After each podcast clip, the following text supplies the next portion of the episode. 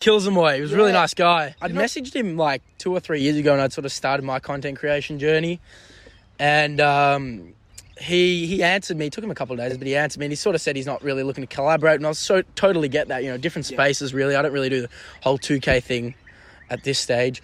Um, but you know, I met him, had a good chat with him, speaking about content. Um, was at the Boomers game, Yeah. which was cool.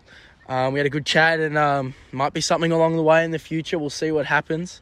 But he's he's doing his own thing. He's like, he just built himself up over just grinding, which I respect, which is pretty cool.